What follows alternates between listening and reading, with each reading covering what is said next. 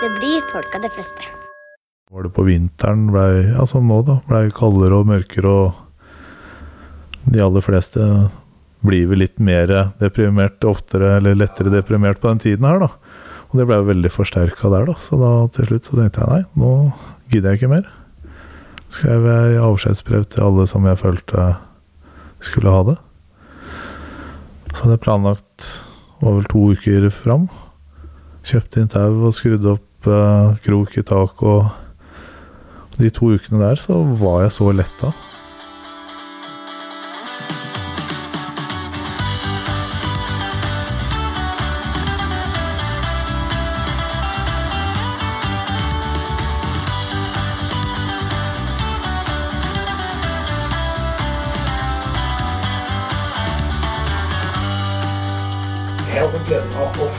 Få Sterke-Tim, Tim Enersen, på besøk. Og det syns jeg er veldig veldig stas. Velkommen til deg, Tim. Tusen takk for det. Hyggelig å bli bedt. Det blir folk av de fleste, og jeg tror jo det gjelder noen av hver. Nå har det jo stort sett vært eh, folk av deg, men du har jo en historie, du òg. Og jeg har jo fått med meg mye i mediene om at eh, ikke alt har vært like greit hele tida. Men når du er Norges sterkeste, så må man jo føle seg som eh, en superhelt. Eh, Egentlig ikke.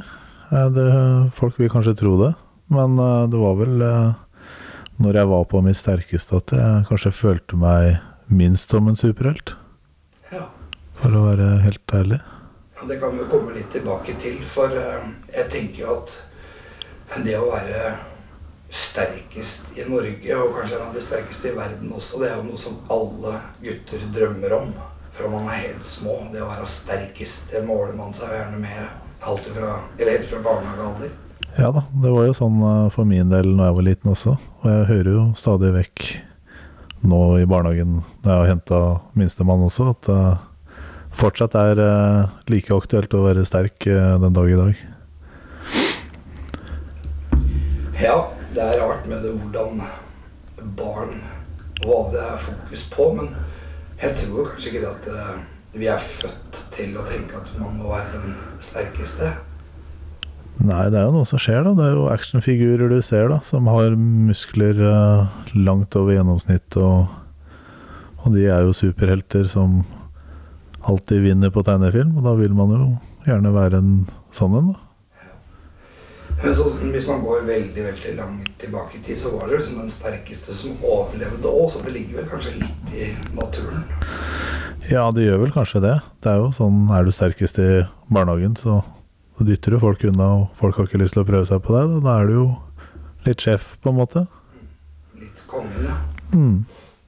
Men hvordan begynte det her for deg? At uh, Fant du ut at du var grisesterk fra du var tre år, eller er det noe som har kommet etter hvert? Nei, jeg har alltid visst at jeg ja, var kanskje den sterkeste i klassen og uten å trene. Og så når jeg begynte å trene, så ble jeg jo mye sterkere. Veldig, veldig fort uh, sterk, og så ble det kanskje litt kjedelig å trene med folk da, når jeg tok så mye mer enn de andre og måtte trene alene, på en måte. Så tok jeg pause noen år fra trening, og så begynte jeg litt tungt igjen da, for å få litt bedre kropp som damene kunne se på. Det var vel egentlig litt sånn kanskje i 20, starten av 20-åra. Og så så jeg på TV-en 'Norges sterkeste mann', og så så jeg faktisk at jeg kanskje var sterkere enn noen av de i enkelte øvelser. da. Så dro jeg ned til Kristiansand og så på, og så dagen etter da begynte jeg å prøve litt sånne øvelser. da. Kult. Men eh, jeg tenker liksom tilbake på å Begynne på skolen, og så er man naturlig sterk. og sånn, Da, da var det på en måte var ingen som kødda med deg da på skolen? Nei, det var lite av det, egentlig. Eh, Det var jo alltid litt sånn konge på haugen og sånne ting. Så ja, det var jo stort sett de sterkeste som vant der, da. Ja. Eller den tyngste. Ja. Så jeg var jo faktisk ja, kanskje en av de tynneste i klassen, men eh, en av de sterkeste. Men er det gen å si, Er det gode gener i familien? Er det sterke folk både på far og mors side? Langt ifra. Eh, De fleste er kanskje under gjennomsnittet av både høyde og vekt, da, så Men eh, jeg har bare vært naturlig sterk, eh, egentlig, så det er bare truffet meg bra, da. Og lillebroren min også er jo ganske naturlig sterk, da. Men eh, når du eh, Du begynte liksom å, å trene litt etter hvert, som du sa, men drev du med idretter og sånn eh, mens du var barn og ungdomsskolealder, eller? Spilte mye fotball. Helt til ja, vi begynte på videregående. Så dabba det liksom av for alle. Da, da ble det ikke noe lag lenger. Og så Men da blei det ble det litt mer trening og gymmet, eller? Ja, det blei egentlig det. Da kjørte jeg moped til og fra trening og trente to-tre ganger i uka. Og trente stort sett benk hver gang, men uh, Det er jo gjerne der det begynner. Ja, det er det. Hvor mye du tar i benken, det spørsmålet får jeg sikkert alltid fra 10 til 100 ganger hver dag. For å drepe den med da, hva er rekken? 270. 270 kilo i benkpress. Ja, uten utstyr. Det er så sjukt, det. Ja, hadde jeg lagt på det i dag, så hadde jeg nok eh, knekt alle ribbeina mine på vei ned, så Så jeg, ja, jeg klarer vel kanskje 150 nå, men eh, ja, nei, når jeg tenker tilbake på de vektene der, så tenker jeg det er rart jeg ikke skada meg mer, egentlig. Altså, for det er faktisk veldig brutalt og farlig.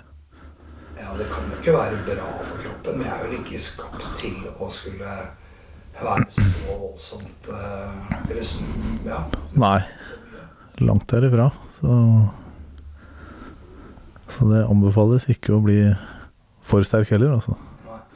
Det er noe med det at når du først eh, Det å føle seg i god form er jo en veldig god følelse når man har brukt kroppen. og Det er, liksom sånn, det er veldig få som har angra på å ha vært, eh, vært på trening.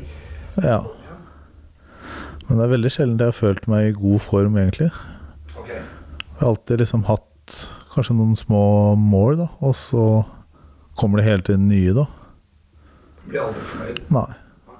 Jeg har aldri vært fornøyd eh, Det er veldig få ganger jeg har blitt fornøyd av enkelte løft, på en måte. Kanskje litt sånn litt inni meg, og så ser man bare veien til neste.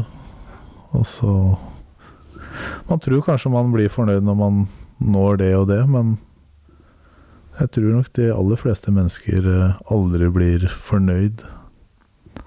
Man vil hele tiden jakte på noe nytt. Det er noe med det at eh, vi, vi skal så gjerne ha noe framover. Og når, om det er eh, å få seg en ny bil, eller om det er hytte ikke sant? At det der, Får jeg det, da blir jeg glad. Ja. Får jeg meg en ny leilighet, da blir jeg glad. Men, eh, og sånn er det jo med trening, at man vil jo hele tida bli sterkere eller løpe raskere eller Ja, det er, du har lyst på nye ting hele tiden. Det er jo som du sier, jeg har jo kjøpt meg dyr bil før. Og veldig morsomt første ukene, og så Faen, hvorfor brukte jeg så mye penger på den bilen, liksom? Det funker like fint med bil til halv pris av den igjen, så Så man tror kanskje at man blir mer lykkelig av å gjøre seg selv eh, litt eh, stor, på en måte, da. Eh, Men for min del så ble det kanskje litt motsatt. At jeg kanskje hadde hatt mye bedre og ikke konkurrert og hatt mer venner og, og sosialt, da. vært mer fornøyd med det. Ja. Selv om jeg angrer jo egentlig ikke på, på det jeg har gjort, på en måte, for jeg har opplevd utrolig mye. Men jeg ser jo veldig opp til folk som liksom henger med folk, bryr seg om folk og tar vare på folk og gleder andre og får en glede av det, da. Hvordan eh, Når, du eh, fikk eh, virkelig teften, som du sa at du så på Strongman, og, og så var Kristiansand og blei på en måte skikkelig tent Jeg regner med at eh, man veit vel kanskje ikke helt hvordan man begynner å trene seg opp eh, til å konkurrere på det planet. Fikk du noen personlig trener, eller hvordan gikk du fram? Nei, det var litt uh, YouTube, da. Det var jo faktisk YouTube på den tiden der òg. og så var det jo treningsforum, hvor mange blogga treninga si før i tiden. da. Så da fulgte jeg med på de som hadde vunnet Norges sterkeste og var i siget der og da. Og så etter hvert som jeg følte at jeg ja, var, kunne litt, da, så blei jeg med på noen treninger med noen av de som var gode, da. Hvordan føler man seg da, liksom, når man eh, ja, treffer på de som er kanskje i toppen, og så jeg, jeg vil ikke tro at du var helt på høyde med en gang, eller? Nei, det, jeg hadde jo sett mange av de på TV, så det var jo veldig stort da, å møte de folka og faktisk trene med de, og så Sven Karlsen, er ikke det et navn som jeg har møtt? Ja, han kjenner jeg jo godt, da. Uh, han har jeg møtt mange ganger og trent flere ganger med fått mye tips av. Og det var jo sånn veldig stas å få tips av han, og hvor eh, skumle de ser ut eh, i forhold til hvor eh, utrolig hyggelige mennesker det var, da. Det var veldig Da følte man seg veldig godt tatt vare på, da. Og det er vel egentlig strongman-miljøet veldig kjent for. å ja, alle er venner med hverandre og backer hverandre uansett, da.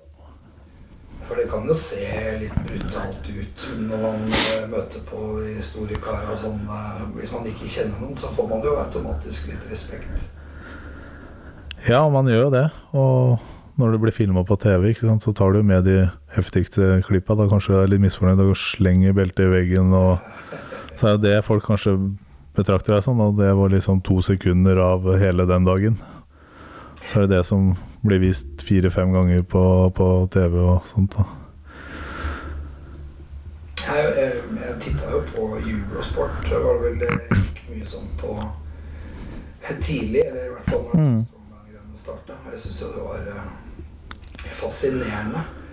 Men det var vel ikke noe som eh, Ikke hadde jeg hatt noen forutsetninger for det, men det var liksom ikke noe som trigga meg. Men jeg syns det var veldig morsomt å se på. da. Mm. Det var en annen måte å på en måte Ja, det, det var liksom utenom alt mulig. Det vanlige. Det, det å fly og bære rundt på, på runde, svære steiner og sånn. Man tas liksom kanskje litt tilbake i tid. der du, du hadde ikke noen maskiner å løfte ting. Nei, eh, når du går på TV og du leste i avisen før, eh, og så sto det alltid kategori. Da sto det underholdning, og det sto liksom ikke sport, da, sånn som det gjør på andre typer idretter. da. Så, så det stemmer jo det du sier der, at det ser litt sånn fascinerende ut, istedenfor ut som at du bare løfter en stang opp og ned, så er det alt mulig og ting du Ja, Det er bare Biler og traller og Ja, ja. mye øvelser som fascinerer. Men det er jo Det er jo en ekte sport. Jeg tenker liksom sånn Man kan ikke sammenligne det med eh, sånn som eh, eh, Sånn wrestling er jo bare skuespill. Ja, dette her er jo fader meg så ekte som det går an å få blitt. ja der må du være faktisk sterk for å løfte, for da er du ikke sterk nok, så kommer nestemann og er sterkere enn deg, så da, så da får du plassering deretter. Dra meg litt gjennom det med eh, konkurransene. Når, eh, når var det på en måte du virkelig slo igjennom? Hvor, hvor lenge holdt du på før det blei ordentlig gull og medaljer, liksom? Det første året mitt var i 2012. Eh, Da kom jeg på andreplass på Norges sterkeste.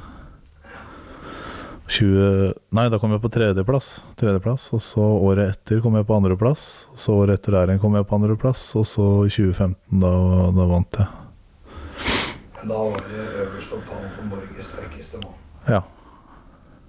Det var jo noe jeg hadde sett veldig opp til, men eh, da visste jeg faktisk at jeg vant flere dager i forveien. For da var jeg i såpass god form. da. Ja, du kjente det på kroppen at det nå, nå kommer det, liksom? Ja, hvis jeg ikke vinner nå, så er det fordi jeg skader meg. Fordi jeg er for sterk. Ja, ikke sant? Fy fader. Norges sterkeste mann er jo ganske mange som kunne drømme om den tittelen, eh, tror jeg. Bare ha 14 år som lærer på skole, og hvor mange av de som det bruser litt i adrenalin og sånn som gjerne skulle vært der. Men eh, det er jo ofte noen velger å ta litt sånn quick fix, da. Ja, veien dit er jo utrolig mange timer med tårer og svette og sinnssyke mengder med mat og hvile og alt det der. Så Så er det ikke bare å bli det, på en måte. Det er jo ikke bare å bli en, ja, en Northug som vinner alt heller. Du må ha det litt i genene, og så må du gidde å gjøre motsatt av alle andre, egentlig. Så Hun sier at det- det er 10 000 timer for å skulle bli liksom skikkelig god i uansett hva du driver med. sånn. Jeg vet ikke, Har du noe tall på hva du har eh, lagt ned? Nei, men det er nok sikkert eh, borti der, ja. Det er liksom ikke bare treninga, det er jo ja, få inn kunnskapen, og hvile. Alt skal gjøres riktig, da. I strongman så er det jo viktigere å hvile enn i mange andre idretter, da. For når du er på trening, så river du faktisk musklene i stykker, da, og så skal du hjem og slappe av, så skal de bygge seg selv, da. Det er eh, som Du sa at man skal spise riktig, og det er sikkert går på søvn og, og ja, slappe av. Men hvor mye mat er det man spiser for å bygge opp til å bli liksom så sterk? Det er jo veldig forskjellig, da, for alle tar jo opp forskjellige mengder av ditt og datt, da, men eh, Jeg spiste jo på det meste kanskje 8000-9000 kalorier om dagen, og det er jo ganske mye mat, og så skal du ha kanskje litt sunnere mat enn vanlig, da, så da må du spise enda mer for å få i deg like mye kalorier, da. Ja, ja. 8000-9000 kalorier, det er jo helt sinnssykt. Men du gjorde ikke noe annet ete annet, da? Jeg, prøvde å spise så mye jeg klarte hele tiden. Og så var det jo plutselig en dag du orka ett måltid, og neste dag så skal du prøve å ta igjen det. Da. Det gikk jo ikke, da. Da går du litt på psyken også, da. Og så, nei, så det var veldig stressende å få i seg den maten. Det var kanskje noe av det verste for min del. Da. Det er mange som sa til meg at du er så heldig så du kan spise så mye siden du driver med strongman. Men uh, nei, fytti katta. Men disse her eh, ungdommene som, eh, som virkelig vil ut og Eller det er jo mange som begynner på treningsstudio sånn, gjerne i ungdomsskolealder. Mm. Og eh, når man ser, som du sier, actionfigurer, og det er uh, sterke folk på Instagram og sosiale medier som liksom Man vil jo gjerne se sånn og sånn ut. Så eh, veien til å Vi er jo lagd litt som uh, vannet renner, liksom tar enkleste motstands vei. Mm. Hvis det er en quick fix, så vil vi jo gjerne benytte oss av det. Eller i hvert fall mange blir trigga av det. Ja. Hvordan har det vært for din del? Jeg begynte jo relativt seint. Jeg tror jeg var sånn 2-23 når jeg begynte på steroider. da. Det var kanskje ikke så mye kroppsfokus eh, på den tiden, da. Det er jo faktisk eh, 15-16 år siden, ja. ja. Eh, Jeg hadde jo ikke Instagram og Facebook og sånn på den tiden, eh, så, så hvis jeg skulle se på ja, sånne store, sterke folk, så var det jo magasiner som var i butikken og sånn, da. Men uh, det snakka jo mye om steroider på treningssenter, og han og han brukte, og man så veldig tydelig hvem som ikke brukte og brukte på den tiden der. For der var det egentlig de som var veldig dedikert, var de som brukte steroider stort sett på den tiden, da. Men eh, nå om dagen så føler jeg at eh, det er sånn 50-50 av de 16-åringene som bruker noe. Når du ser salget på nettet da, i Norge, så så vil det jo tilsi at det er ca. halvparten av 16 pluss som bruker det. Men er sånt uh, veldig enkelt å få tak i? For det er ikke lovlig, sant? Nei, det, ikke, det var lovlig når jeg begynte. Uh, så ble det regulert til at uh, det ikke var lovlig lenger. Og da var det kanskje litt vanskeligere å få tak i. Men nå er det ekstremt lett å få tak i. Nå kan du bare bestille på nettet, og kanskje du har det dagen etter. Det er helt vanvittig. Og jeg tenker at eh, man vet vel kanskje ikke hva man eh, Eller de vet ikke hva de utsetter kroppen sin for. Jeg, for jeg Absolutt ikke. vil jo tro at eh, sånne ting er ekstremt skadelig på i hvert fall på sikt. Men det har du sikkert eh, erfart og kan si litt om. Ja, det er jo ikke så utrolig skadelig, kanskje én gang, da. Og du vet jo aldri hvordan kroppen din reagerer, og du kan jo faktisk dø av av én gang, men de aller fleste merker veldig lite. De får en skikkelig boost av trening, og så går de av. Så mister de 99,9% av det de bygde opp under den første kuren. Da.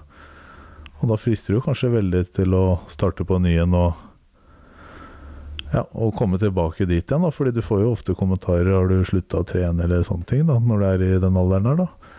Og det, det husker jeg også fikk. og det da var det sånn fy faen, det var kjipt å høre. Nå skal jeg vise dem, nå skal jeg bli enda. Og så nå skal jeg ta litt mer enn det jeg gjorde sist, for jeg fikk jo ikke noen skader eller noen ting. da, så er det veldig fort gjort å bare komme i den duren, da, så merker du kanskje ikke bivirkningene selv, men de rundt deg kanskje merker at du blir en annen person. Litt mer inneslutta og litt mindre følelser og sånn, da. Og det går sånn gradvis, og du merker det ikke selv. Men eh, jeg husker fra jeg var eh, på den ja, sånn 15-16 år, så var det mange som prata om det at uh, hvis du tar doping eller sånn, så får du liten pikk. Ja. Det var liksom en sånn standard som, som blei sagt, da. Ja.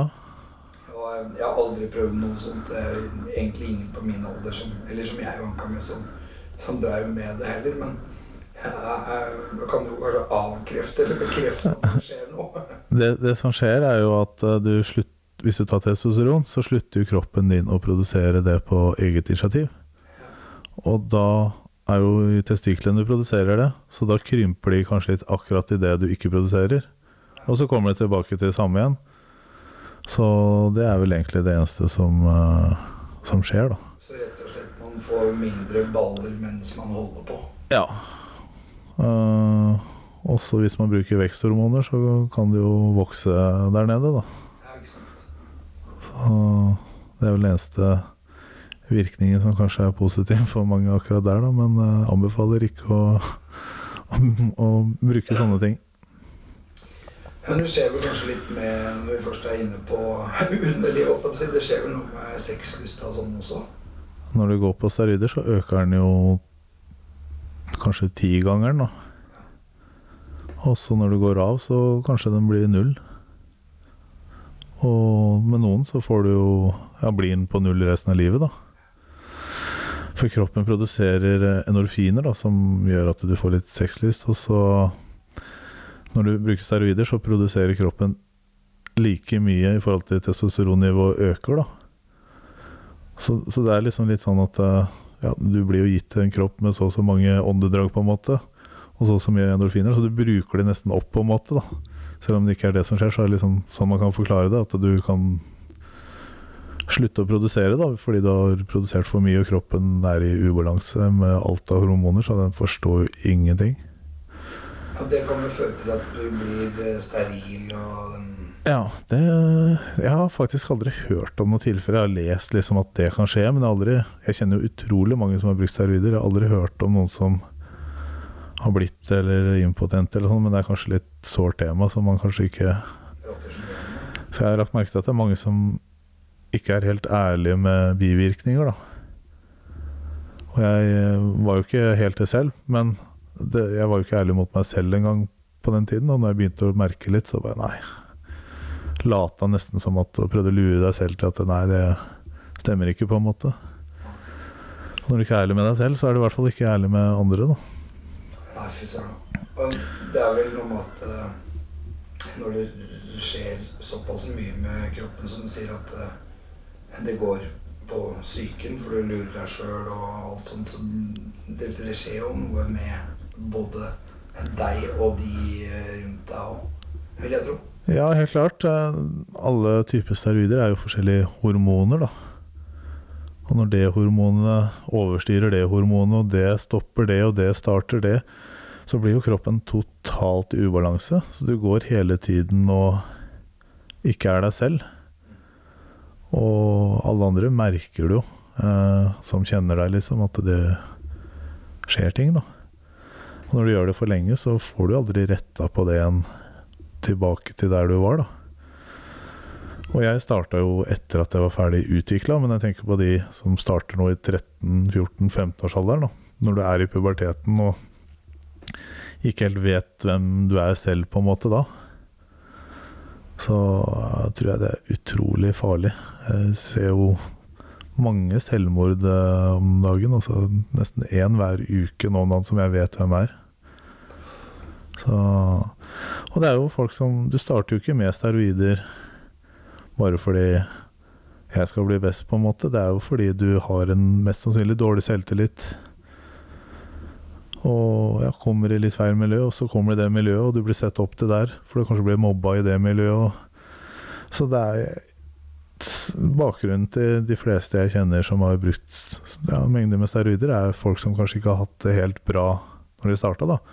Og så fikk de det veldig bra kanskje første året de gikk på steroider, for da fikk de komplimenter av alle, og ja, store og sterke, og kanskje litt mer oppmerksomhet fra jenter, og da Da har man jo ikke lyst til å bare kvitte seg med det, på en måte, da. Nei, det er klart, ja. Når du er da Norges sterkeste mann, da, eller Ja, eller det er du jo, og har, den tittelen vil du alltid ha, men den største muskelen vi har, sitter vel egentlig i huet? Ja, i hvert fall den som uh, er sterkest. Ja, så Og den, den, blir jo veldig svak da, når du bruker steroider. Ja. Eh, den er kanskje like sterk, men uh, dømmekraften og du gjør andre handlinger mye raskere enn du ellers ville gjort. Dårligere beslutninger og Noen blir ekstra hissige. Jeg føler ikke at jeg ble noe hissig av det. Uh, det er mange som blir det. Så alle får jo forskjellige bivirkninger, da. Så jeg fikk jo veldig lite sånn kroppslig med hjerte og sånne ting, da, men jeg fikk jo en del mer psykiske, og det tror jeg lå litt i meg før jeg begynte, på en måte, da. Så da blir det kanskje ekstra forsterka. Og samme hvis hjertet ditt kanskje er 10 eh, dårligere enn gjennomsnittet, så kanskje det blir enda dårligere pga. steroidene, da. Og det vet man jo aldri. Man får jo aldri testa seg eller ja, finne ut av det, da. Men det er gambling, det da? Ja, det er jo en liten gambling med kroppen din, da. Og når du er så ung, så tenker du kanskje ikke på at du har lyst til å bli pensjonist og være litt sporty bestefar og ta med barnebarn på ting og tang, da. Eller så, ja, plutselig fått en unge og den er ti år, og så dør du av hjerteinfarkt. Det er jo ikke noe du ser fram til, da, ikke sant, på grunn av at du skal være tøff et par år i livet ditt. Folk av de fleste på den. Det blir Folk av de fleste. Hva skjer med, med psyken? Jeg tenker at uh, man blir jo gjerne et uh, resultat av noe som har prega en i livet. Og når man trener seg, så har man gjerne dårlig Eller noe komplekser, eller at det, er det noe som dreiv deg fra barndommen til å skulle på en måte hevde deg? Ja, nå hadde jo Ja, jeg jo Skal ikke nevne noen navn, men uh, i familien så var det jo litt uh, uh, mishandling, på en måte, da. Sånn, som egentlig ingen fant ut av. Så jeg tror det var det som gjorde at jeg aldri var komfortabel med å være svakere enn noen, da.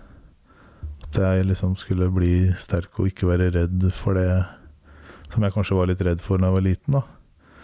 Så jeg tror egentlig det var det som gjorde hele tiden at jeg skulle vise meg litt fram og Ja, sånn er det ingen som kan kødde med meg, på en måte. Men, men var, du, var, du, mye redd, eller?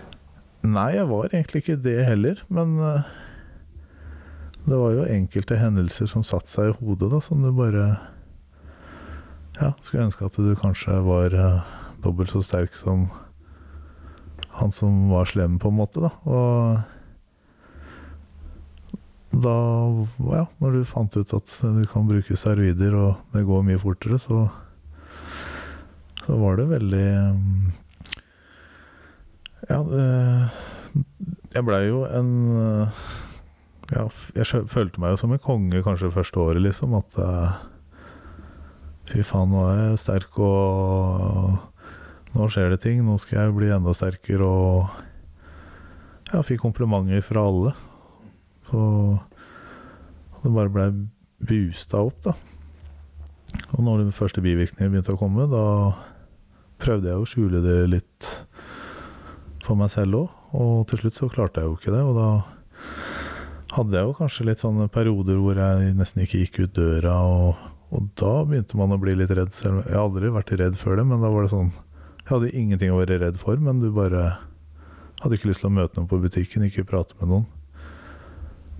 Så først da jeg egentlig begynte å bli redd, når jeg ser sånn tilbake på det. Ja. Men var det noe som utløste det, liksom den perioden som du snakker om nå? Det var stort sett perioder som jeg Ja, etter konkurranser, da. Etter Europas sterkeste og verdens sterkeste, hvor du slutta en del på steroider, da. Og ikke hadde det skyvet fra steroidene, så hadde du ingen hormoner i kroppen, da, fordi dine egne hormoner de hadde jo blitt satt på vent. Så da sitter du der liksom Ja, kun og tenker, da. Og kanskje ikke har de hormonene som støtter opp under og gjør deg lykkelig. Da. Som testosteron, det trenger du i kroppen for at du skal ha det bra. Da. Og når du nesten hadde null i egenproduksjon selv og ikke tok noe selv, så, så blei du som en gammel, sutrete mann, på en måte. Så jeg lå mye i senga i perioder og var sliten og trøtt og Du sier at det var liksom ja, vanskelig å gå i butikken. Altså, ble det liksom angstrelatert, liksom? Eller? Ja. Eh, altså, jeg svetta veldig lite når jeg trente, men når jeg gikk på butikken, så fikk jeg svetteringer under armene nesten idet jeg parkerte bilen, på en måte. Og jeg ville jo ikke Så jeg noen jeg kjente i butikken, så var det sånn prøve å gå rundt hjørnet der og Når jeg ser tilbake på det, så skjønner jeg liksom ikke fordi det er jo bare hyggelige mennesker jeg kjenner, og når jeg prater med folk på butikken, det er jo bare hyggelig. Så det er jo noe som skjer med deg som du ikke har kontroll over selv, og skjønner ingenting av. Men var dette noe som eh, på en måte blei sterkere og sterkere, eller var det sånn at det kom i perioder, eller var det Det var jo perioder, men for hver gang det kom, så ble det sterkere, ja. Ja. Det, det gjorde det. Og for hver gang eh, jeg begynte på igjen, så måtte jeg bruke mer steroider for å få samme effekten, da. Men jeg fikk jo enda mer effekt av bivirkningene.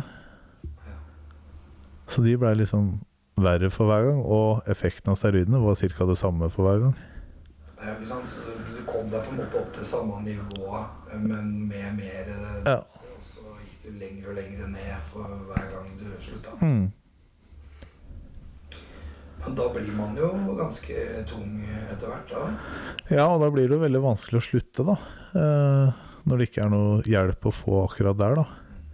Noe annet enn en telefon du kan ringe og Så da blir det jo vanskelig, da. Så da var det jo lettere å bare holde seg på.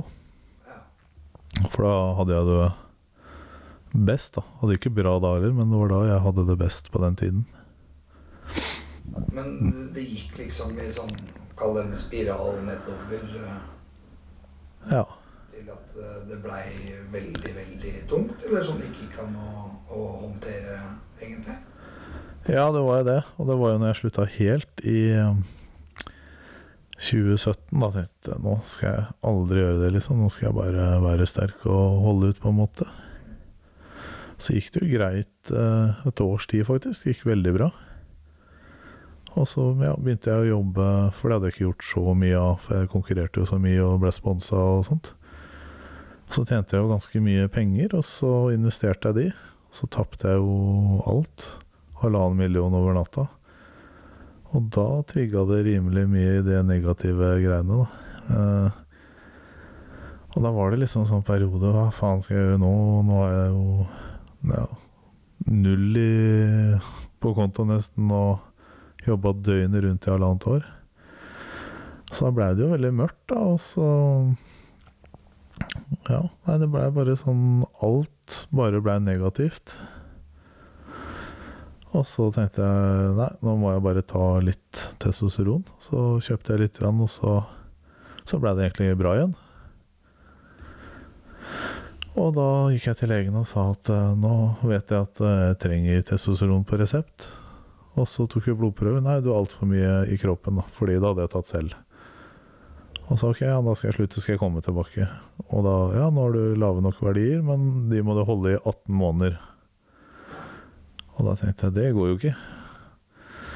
Så da ja, skal jeg prøve å holde meg, da. Og da var det bare mørkere og mørkere, og så var det på vinteren, blei, ja, som nå, da, blei kaldere og mørkere, og de aller fleste blir vel litt mer deprimert oftere, eller lettere deprimert på den tiden her, da. Og det ble jo veldig forsterka der, da. Så da til slutt så tenkte jeg nei, nå gidder jeg ikke mer.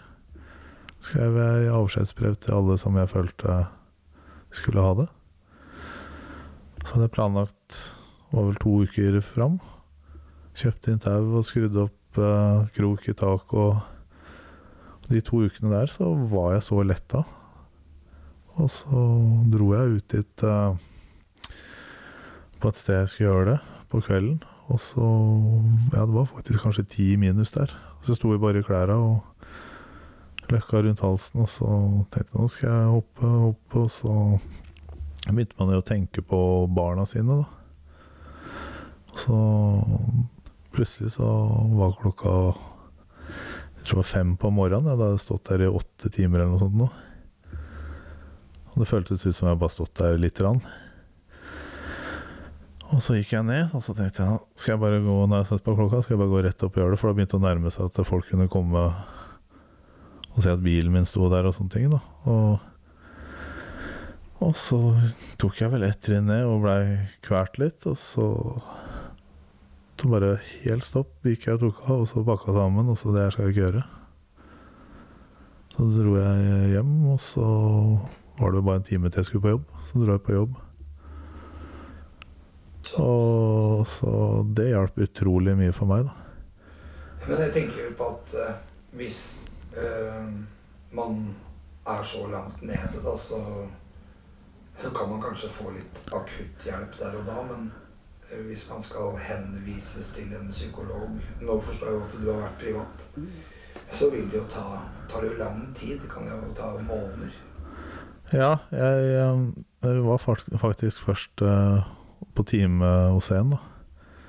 En dame som jeg ikke følte at jeg klarte å snakke med. Så droppa jeg det, og så var det en kveld det var utrolig tungt, og så da dro jeg på legevakta, for da ja, kjente jeg at jeg faen ikke ville leve mer, på en måte. Og da fikk jeg plass på DPS samme kvelden, faktisk. Så jeg var der i fem-seks dager. Men jeg følte ikke at det hjalp meg noe. Når jeg kom dit, da, så var det jo ja, kanskje ti jenter som hadde kutta seg oppover armene. Og så satt en annen mann der som sikkert ikke hadde dusja på et halvt år. Så jeg følte meg så normal der, på en måte. da Selv om jeg kanskje ikke var det i hodet, så, så følte jeg ikke at jeg passa inn der heller. Og heller ikke opplegget deres. Så jeg gikk jo mange år etter det uten å få hjelp, da. Men eh, det som hjalp meg mest, var jo egentlig å prate med de rundt meg om hvordan det var. Det er det som hjalp meg mest, og det er det jeg prøver å få folk til å oppfordre folk til å gjøre. Da. At uh, har du det tungt, så prat med den du snakker mest med og stoler på. Det er faktisk det som hjelper mest, og det er mange som er redd for å Nei, han vil kanskje ikke gjøre det, men da har du en bestevenn som kommer til deg og sier at 'jeg sliter, jeg er helt ødelagt'. Selvfølgelig så stiller man jo opp og støtter så godt man kan, på en måte. Og da gjør, regner man jo med at folk gjør det tilbake. Og det er jo folk som ikke har familie og noe særlig venner også, det er utrolig trist det, på en måte. Men uh, det er jo sånne telefoner du kan ringe til òg, som, som tror jeg hjelper kanskje akkurat der og da. Du sa at eh, du tidligere så på en måte ville du ikke innse de eh, bivirkningene, så du jugde liksom litt for deg sjøl. Så det å skulle da gå med uh, ting inni seg og plutselig skulle være åpen Jeg vil jo tro at det er en ganske tøff greie, det òg. Ja, det, det, det tok lang tid før jeg var åpen. det var jo ikke før i For ett og et halvt år siden, egentlig. Det var da du starta Det var da jeg var ferdig hos han psykologen. Så Så jeg, jeg hadde jo mista en del sånne venner som jeg hang mye med, på en måte. Så jeg hadde jo ikke noen jeg følte at eh, jeg klarer å prate med. Og jeg er en person som kanskje ikke klarer å prate med alle heller, da. Så da blei det jo litt over sosiale medier, på en måte. Så det var Du var ferdig hos psykologen, og så øh, gikk du på sosial... På, var det på TikTok som Ja. fortalte liksom din historie? ja. Og over natta da så fikk du Ja, det var vel egentlig at jeg la ut litt videoer av hvordan jeg hadde trent og sånt. Da, da fikk jeg mye sånn kommentarer. Det er ikke rart du løfta så mye, du brukte steroider og Ja, og så fikk jeg en sånn kommentar, eh, husker jeg, som jeg svarte på. Eh, Gå og heng deg selv, du har ingen venner. Og det stemte jo veldig bra. Det hadde jeg jo prøvd, og jeg hadde jo nesten ikke venner. Og da svarte jeg jo på den kommentaren, da. Og den fikk jo en million visninger, så den blei jo veldig i fokus på, på den tiden, og det var vel i januar i år, ja. Så da det liksom kom skikkelig Slo an på akkurat det der, da. Ja. Og så så Og det du gjorde, er jo helt fantastisk. Men jeg, jeg blir liksom litt nysgjerrig på hva er det som øh, får en til å egentlig kanskje være litt lukka, da? Til å plutselig øh, åpne opp? Jeg tror det er liksom kanskje nøkkelen til for mange, da. Det å kunne snakke om ting, ikke sant. Om ikke alle ønsker å dele det med hele verden, så, så er det jo godt å få tømt Ja, helt klart. Uh, nei, jeg, jeg følte vel egentlig at det var litt sånn flaut. Jeg har vært stor og sterk og Norges sterkeste mann, og så skal jeg komme der og sutre og grine om at uh, Ja, jeg har, uh, har det ikke bra, på en måte. Så var jeg litt sånn Ja, du kan jo skylde deg selv når du har brukt steroider. Den har jo fått utrolig mye. Ja, så klart kan jeg det, på en måte, men jeg tror ikke jeg hadde begynt på steroider hvis jeg ikke var litt syk eh, i bunn og grunn, da. Så, så jeg skylder jo ikke bare på at jeg har vært syk heller. Jeg, var jo, jeg tok jo et valg, så Men eh, Så jeg var vel mest sånn redd for å Ja, og flau over det, på en måte. Eh, men med en gang folk begynte å vite om det, så så så jo folk opp til meg kanskje mer enn når jeg vant Norges sterkeste, da. Og da blei det jo sånn veldig letta. At eh, ja, nå vet alle det, på en måte. Og nå får de bare ta meg for den jeg er, liksom. Nå vet alle hvordan jeg har hatt det, og hvordan jeg har det. Så da ja, har du ikke lyst til å være en del av det, så får de finne noen andre, på en måte. Eh, sånn er jeg, og jeg får ikke gjort noe med det. Jeg syns det står veldig respekt av det du har gjort, og jeg tenker jo at eh, det vil jo være med på å hjelpe mange òg. Bare å se det at eh, selv om man er stor og sterk og sånn, så er det ikke dermed sagt at det er sånn inni. Og det å kunne faktisk sette ord på det og, og, og snakke om det vil føre til at man kan få det bedre òg. At det, er lettere å være Tim i dag enn det var når han satt hos psykologen sin. Liksom. Ja, helt klart. Jeg var jo Det var sånn hver gang jeg åpna meg om nye ting der, da, så, så svetta jeg jo som en gris og var liksom eh, redd for å si det, selv om jeg visste at han har jo hørt alt mye Ja, alt gærne folk har gjort, og Så mine ting var jo ikke så ille som mange andre, da. Men eh, når jeg liksom følte at han lytta til meg og sånn, så fikk jeg mer sånn selvtillit på det området der også, da. At eh, oi, han er 20 år eldre enn meg, skikkelig god utdanning, han sitter faktisk og hører på meg. Og, og så var det det at han på slutten av samtalen så huska hva jeg hadde sagt, på en måte, da. Og det er jo sånn Jeg har jo babla i vei til mange folk, og så eh, dagen etter så har du gjort det, på en måte? Og så bare ah, Du føler deg ikke like mye verdt, på en måte, da. Så jeg, altså, jeg følte han viste at jeg var verdt så mye, da. Uansett uh, hva man gjør, på en måte. Han var til stede, rett og slett. Ja, Uh, uansett så følte jeg at uh, han lytta, og han kom jo sjelden med råd, på en måte. Han bare hørte på hva jeg sa, og Ja, og sa litt hvordan hodet tenker hvis du gjør sånn, og så, jeg, så alt gjorde jeg jo selv, på en måte. Det er sikkert mange psykologer som sier du bør gjøre sånn og sånn, men han var veldig sånn Viste hvordan hvorfor jeg ble stressa av det, da. Så sa han til neste gang så må du prøve å finne ut litt av Kanskje du klarer å endre det selv, og så Så jeg jobba jo Fikk jo hjemmelekse der eh, som. Ja. Uh, og det gjorde jeg jo sikkert mye bedre enn jeg gjorde lekser på skolen òg, fordi det var interessant å se hvordan det utvikla seg hele tiden. Rådførte du deg noe med han i forhold til å gå ut på sosiale medier og sånn, eller? Nei, jeg var ferdig der da jeg starta. Så jeg tror nok han hadde sagt at jeg ikke burde gjort det. Det tror jeg. For det var jo veldig eh, ble utrolig mye fokus, som kanskje mange syns er litt gøy sånn i starten. Det var jo veldig gøy å se Oi, faen, var mange som har sett videoen, og som kommenterer, og så tøft det var, og Sånn, og så kommer det jo alltid noen stygge kommentarer, og at du kan skylde deg selv og sånne ting. Men nå så bryr jeg meg ingenting om hva folk skriver i kommentarer på mine videoer.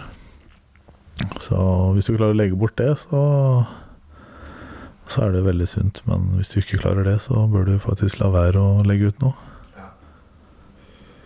Tenker du at man kan bli litt immun når man har liksom fått så mange kommentarer på ting, eller er det heller at man Du har liksom blitt sterkere psykisk eh, etter hvert som tida har gått? Kanskje begge deler, men mest at jeg har blitt sterkere. At uh, han fyren som skriver at uh, jeg burde skylde meg selv, på en måte. Altså, så går jeg inn på profi- profilen hans og ser han trener for harde liv og prøver å bli sterk. Så egentlig, han ser bare opp til meg, på en måte, men han sliter kanskje litt selv, da. Og så var det hans måte å prøve å sette meg ned på og dra han litt opp, da. Eh, så jeg syns jo litt synd på folk som skriver sånn, fordi de aller fleste som skriver stygge kommentarer Jeg tror ikke de mener det oppriktig 100% det tror jeg er veldig fåtall. Jeg tror det er egentlig bare for å få en bedre selvtillit selv, da. Som til syvende og sist drar deg ned til slutt, da. Ja, jeg, jeg tror jo det at eh, når vi Sånn erfaringsmessig fra skolen også, så er det jo de som trykker andre ned for å heve seg sjøl, er jo de som ikke har det bra. Ja. de som sliter. Eh, og det, det har jo vært en forferdelig utvikling med nettroll ikke sant, som Mm. skal kommentere hver minste lille ting som skjer. Og jeg syns det er for mye urettferdig i forhold til eh, hva man skal finne seg i selv om man etter hvert blir en offentlig person. Og da, for på mer eller mindre så har jo du blitt det i og med at du har både titlene dine, og du har nå blitt eh, en Jeg er kanskje et forbilde på, på sosiale medier, så tror jeg jo at man skal ha noe å mene om alle som er litt i, i rampelys, liksom. Og jeg, jeg skjønner ikke helt Er det så mange som ikke har det bra? Ja, jeg tror det. Det var ikke sånn når jeg var eh, på ungdomsskolealderen. Men det, det var jo folk som ble mobba på den tiden der òg. Men da ble de mobba på skolen, og så når de kom hjem, så var de fri. Men blir du mobba på skolen òg, så fortsetter du på Snapchat når du er på vei hjem, og når du kommer hjem, og du våkner kanskje til en uhyggelig melding du har fått i løpet av natta. Eh, så, det blir jo bare verre og verre. Og ser jo hvordan ungdommer snakker til hverandre i dag. Jeg kan ikke skjønne at eh, det, det går an. Altså, når jeg var liten, hadde jeg aldri turt å snakke sånn til en voksen, på en måte. Og, nei, de, de har så lite respekt da, for hverandre. Ja, det er blitt en helt annen uh, verden. Uh, men jeg tenker liksom at når Når jeg gikk på skolen, så var det litt mer sånn der gatas regime. At du passa på hva du sa til dem som var eldre, for da visste du at da fikk du juling. Ja, ja. Der var det litt mer den respekten, men i dag så er det sånn, da skal man gå til en voksen og snakke. Eh, Så jeg vet ikke, kanskje det har blitt litt sånn for Kall det mykt òg, at man eh, blir eh, Ja. At man ikke får liksom såpass ryggrad at man kan stå i ting. Man vil heller ikke kunne holdt på å si forsvare seg sjøl, eller sånn. Ja, jeg ser jo også Hvis noen skal drive med bråk, da, som folk kaller det, så, så vil de gjerne ta den største og sterkeste med en gang. Og da kan du ikke gjøre det alene, så da går man jo gjerne ti stykker på han, da. Eh, det har jeg jo lagt merke til selv uh, når jeg var på en bensinstasjon og kjøpte hamburger etter jeg har vært på byen, og da var det jo noen som begynte å bråke med meg. Det var jo bare tynne, små gutter, da. Og da hoppa de ti stykker på meg, liksom, uten grunn. da. Og da var det vel sikkert for at de skulle få respekt av å gjøre det, på en måte.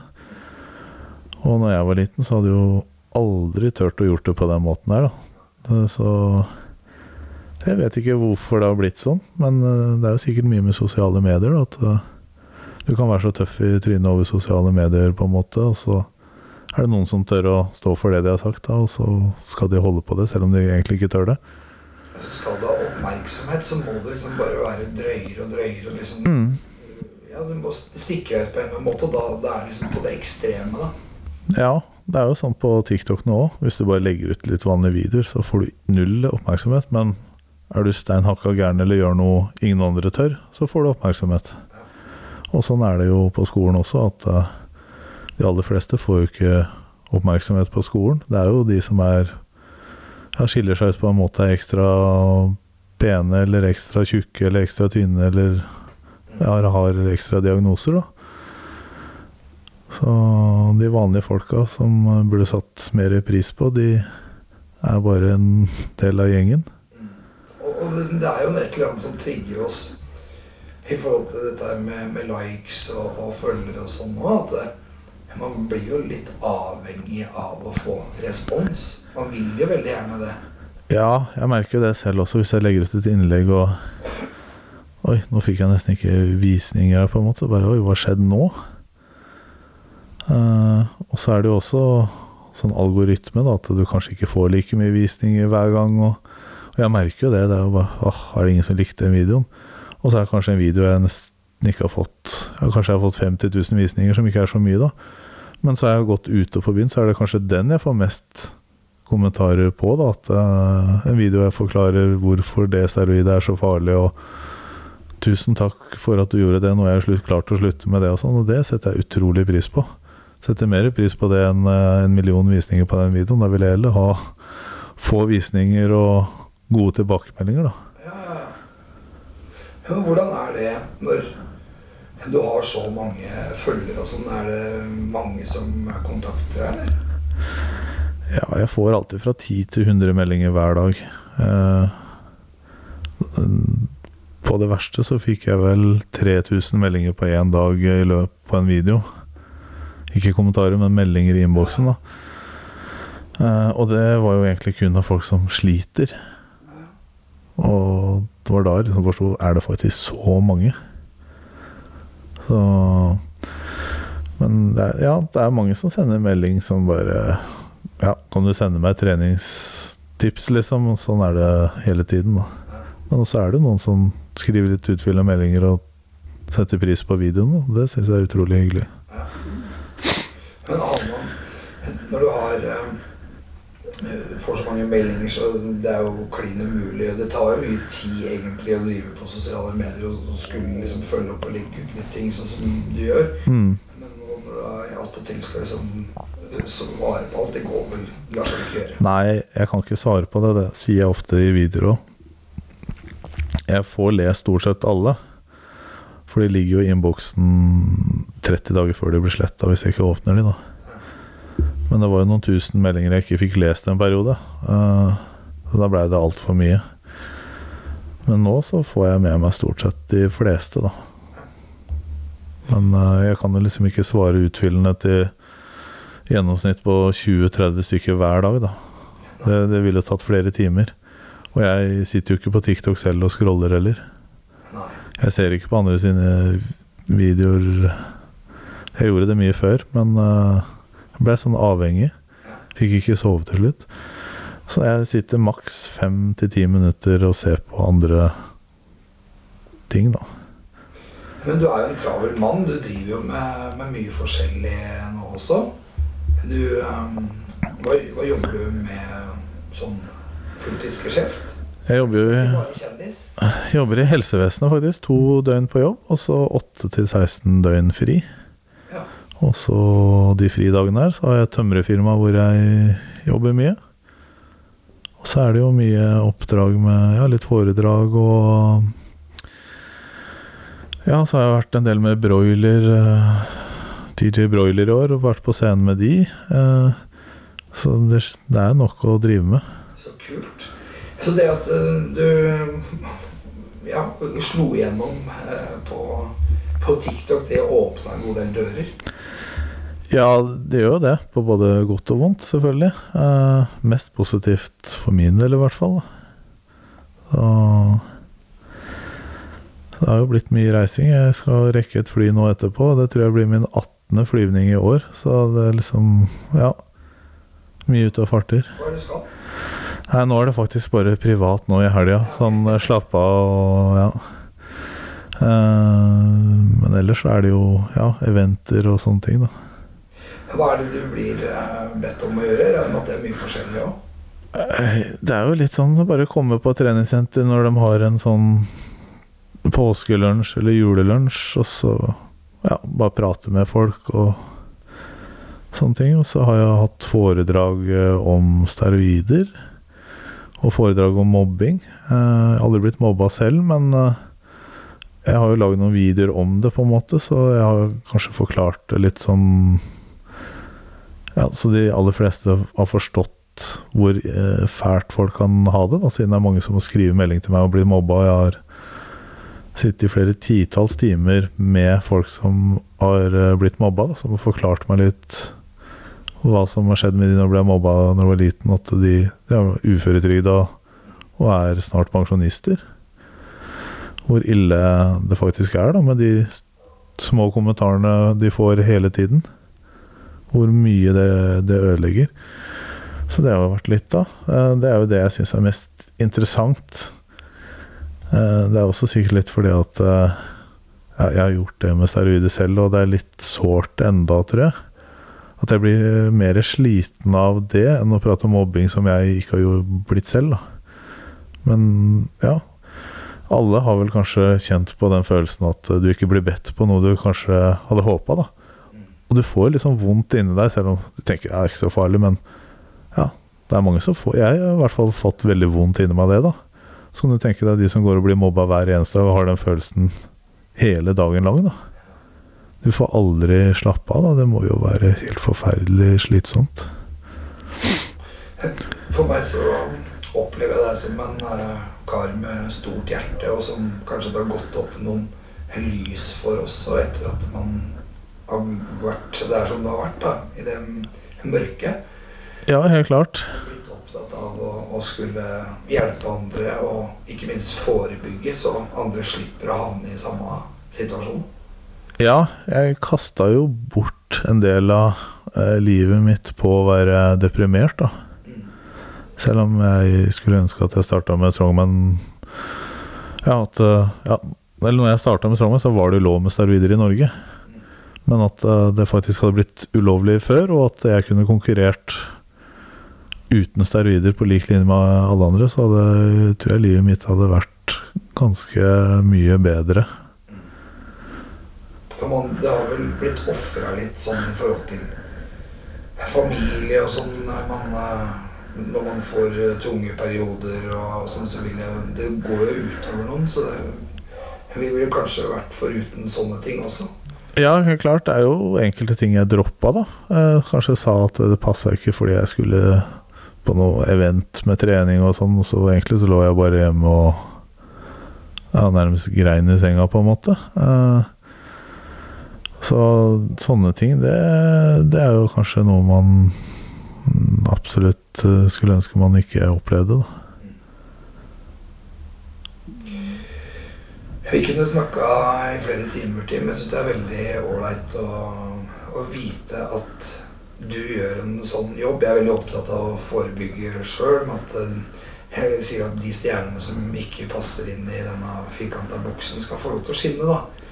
Og jeg tror det at hvis man blir sett for den man er, ikke for nødvendigvis det man eh, gjør For hvis man gjør noe dårlig og blir sett for det, så gjør man jo det man er god til. Mm. Man gjør mer.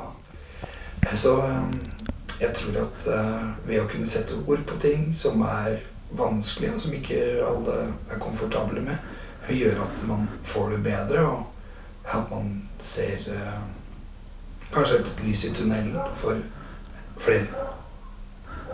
Ja. eh, jeg skulle jo ønske at jeg selvfølgelig ikke hadde opplevd alt jeg har gjort, men jeg hadde jo ikke vært den personen i dag uten det. Og jeg føler kanskje at jeg har eh, blitt en mye bedre person nå enn det jeg ville vært på samme alder hvis jeg ikke hadde gjort samme tinga, på en måte. Så jeg håper at resten av livet liksom tar igjen det gode som jeg har hatt vondt, på en måte, da. Eh, og kanskje får forebygger mye der. Jeg får jo aldri vite hvor mye jeg forebygger. Det er mange som sender meg meldinger, og det er kanskje noen som sender melding bare for å få en liten bekreftelse også, så jeg vet jo ikke om alt stemmer, da. Men jeg har fått mye meldinger at jeg har forebygga enkelte ting, da, og kanskje litt mobbeepisoder og Og det Da blir jeg utrolig glad. Så jeg, nå, nå føler jeg egentlig at jeg bare er meg selv 100 hele tiden, da. Og det er så deilig å bare drite i hva alle andre syns. Liksom. Du bare gjør det du vil, og så får andre gjøre det de vil, og så henger jeg med de som gjør meg glad, og jeg henger med de jeg føler jeg gjør glad, på en måte. Og før så følte jeg at jeg måtte være eh, sterk i team, og nå er jeg bare sterk i team, på en måte. Eh, da måtte jeg løfte tungt. Jeg måtte virke som en tøff kar. Jeg bare dreit i alt og alle. Og men jeg gjorde jo ikke det. Jeg var jo største pingla, egentlig. Men man blir vel sterkere eh, av ved å eh, hjelpe andre også. Ja. Får litt, kanskje litt mer ro i seg sjøl og en godfølelse. da, At man kan eh, bidra til å se at noen får et kanskje bredere smil om munnen, eller at litt lavere skuldre.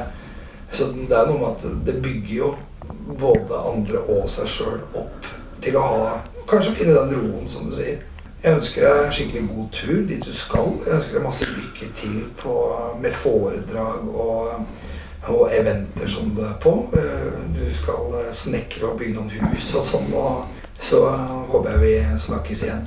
Tusen takk for at du ble med. Jo, tusen takk for eh, invitasjonen.